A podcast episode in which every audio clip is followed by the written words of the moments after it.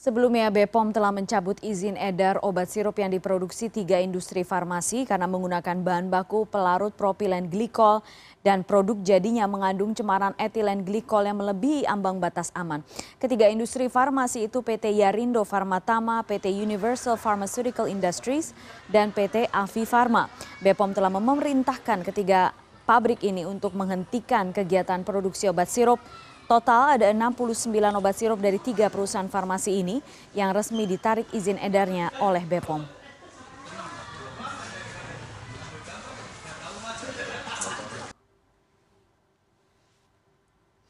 Dan berikut daftar 69 obat sirup yang ditarik izin edarnya oleh BPOM. Dari PT Yarindo Farmatama ada 6 obat sirup. Kemudian ada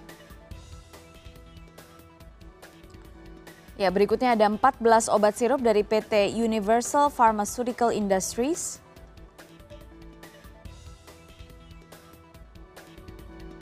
Dan ada 49 obat sirup dari PT Avi Pharma. Daftar ini juga sebagai pengingat agar kita sebagai konsumen waspada lagi memilih obat yang tepat untuk keluarga. Daftar lengkap 69 obat sirup yang ditarik bisa Anda lihat di laman resmi BPOM, yaitu pom.go.id.